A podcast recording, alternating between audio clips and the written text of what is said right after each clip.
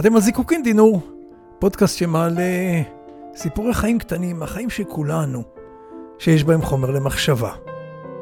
מלקט, מקשיב, חווה, וגם מספר לכם בקולו שהוא כדינור.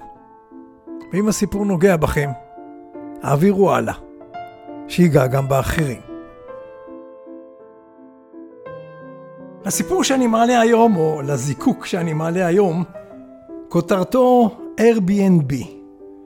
כולכם יודעים מה זה, זה הדירות האלה שאנשים משכירים. זו לא פעם ראשונה שאני מתחבר לכתיבתו של אשכול נבו. אני אוהב את יכולתו לדלות אנקדוטות אנושיות רגישות, להציפן ולהעלותן על הכתב בדרכו המיוחדת, שמשאירה אותך עם תחושה שכאילו אתה כתבת את זה. הקשיבו לסיפורו הבא שפורסם באחד ממוספי החג של ידיעות אחרונות.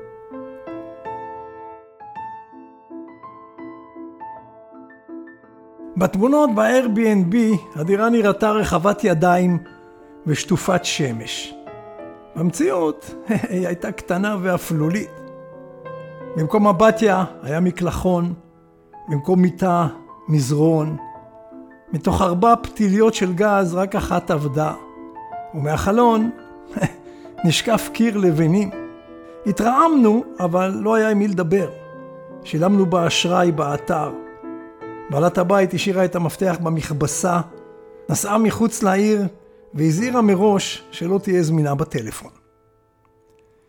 באמצע הלילה נשמעו הדפיקות בדלת ובעקבותיהן צעקה Open the door, Beatrice! ושוב Open the door, Beatrice! I know that you are there! ביאטריס היה שמה של הבחורה שהזכירה לנו את החדר. לא, לא, לא פתחנו את הדלת, מה פתאום? ראינו מספיק סרטים על ניו יורק כדי לדעת איך זה עלול להיגמר. אשתי הניחה אצבע על שפתיה, מסמנת לי להחריש. אולי אם נשתוק מספיק זמן, הוא ילך. הוא לא הלך. ביאטריס, I love you! הוא זעק. ביאטריס, let me in! ביאטריס, if you want open the door, I will kill myself. זה הזמן לספר שאשתי עובדת כפסיכולוגית במשטרה. בין השאר היא מוזעקת לגגות כדי לשוחח עם אנשים שמאיימים לקפוץ. הוא רציני, היא אמרה לי, בקול המקצועי שלה. אולי אמרתי, אבל זה, זה לא ענייננו. למרבה הצער זה כבר כן ענייננו, היא אמרה וקמה מהמיטה. לא ניסיתי לעצור בעדה, אחרי 15 שנה ביחד אני כבר יודע מתי אין טעם. ליתר ביטחון חיפשתי באנשי הקשר את השם של המכר היחידי שלי בניו יורק, ג'וש, והנחתי את האצבע על המספר שלו. אבל הגבר שצנח אל תוך הדירה אחרי שאשתי שחררה גם את השרשרת העילית ממקומה, לא נראה מאיים במיוחד. קודם כל הוא היה קטן, מאוד קטן. יותר קטן מדני דה ויטו. העיניים שלו היו אדומות מרוב בכי או מרוב שתייה, והוא לבש בגדים של בנקאי. בוא בוא, אשתי אמרה לו, אני אכין לנו תה. מי את? הוא פער עיניים. היא הסבירה לו.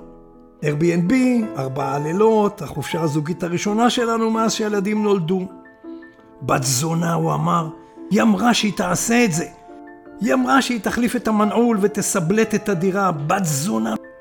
Watch your language. אשתי אמרה לו בקול של מישהי שיש לה אקדח בחגורת המכנסיים. והאיש השפיל את מבטו. היא סימנה לי לחזור לחדר השינה. את בטוחה? שאלתי אותה בעיניי. בטוחה, ענו לי עיניה. הם ישבו במטבח, שתו תה ודיברו. כלומר, הוא דיבר ודיבר, והיא הקשיבה. לא הצלחתי לשמוע את השיחה שלהם. מדי פעם היה נדמה לי שאני מזהה מילה טעות, או אבוד, או סיבה. מדי פעם שמעתי את הקול של אשתי משחיל משפט שבסופו סימן שאלה. ניסיתי להישאר ער, אבל בשלב כלשהו נרדמתי.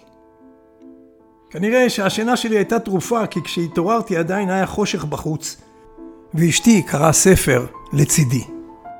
דני דה ויטו עוד כאן? שאלתי. הלך, היא אמרה במבט מהורהר. את קוסמת, אמרתי. אני אשת מקצוע, היא אמרה, ושלחה את הזרת שלה לזווית העין כאילו כדי לשלוט משם דמעה. אבל, אבל מה, מה אמרת לו שהרגיע אותו? ליטפתי את שערה. זה לא מה שאומרים, היא אמרה, אלא איך שמקשיבים. זה לא מה שאומרים, אלא איך שמקשיבים.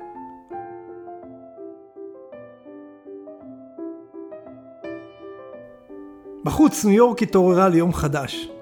רכבים המו, משאיות חרקו, תריסים של חנויות הורמו. לא מיהרנו לצאת אליה. נשארנו עוד קצת במיטה, מקשיבים. סיפור של אשכול נבו שפורסם במוסף חג השבועות של ידיעות אחרונות במאי 2021. וכמה מילים ממני. שאני אוהב את כתיבתו של אשכול נבו כבר אמרתי בפתיח. אבל בסיפור הזה הוא גם נגע בצורה כל כך מעודנת, בנקודה רגישה שאני לא מפסיק להדגיש את חשיבותה בכל הזדמנות, לדעת להקשיב. לדעת להקשיב. זו תכונה בעיניי כל כך חסרה במחוזותינו. רופא השיניים שלי אמר פעם שהקשבה ממלאה, בעוד שהדיבור מרוקן. ובכל זאת אנחנו נמעט להקשיב ונרבה בלחלק את דעותינו לכל דכפין, בין אם ירצו ובין אם לאו. כדאי שנשנן את נועם חורב, שכתב בשירו קונכייה את המשפט היפה הבא: כל מה שנדרש כדי להכיר אדם זה להצמיד את האוזן ופשוט להקשיב. להצמיד את האוזן ופשוט להקשיב. זיקוקין דינור, שוקה דינור.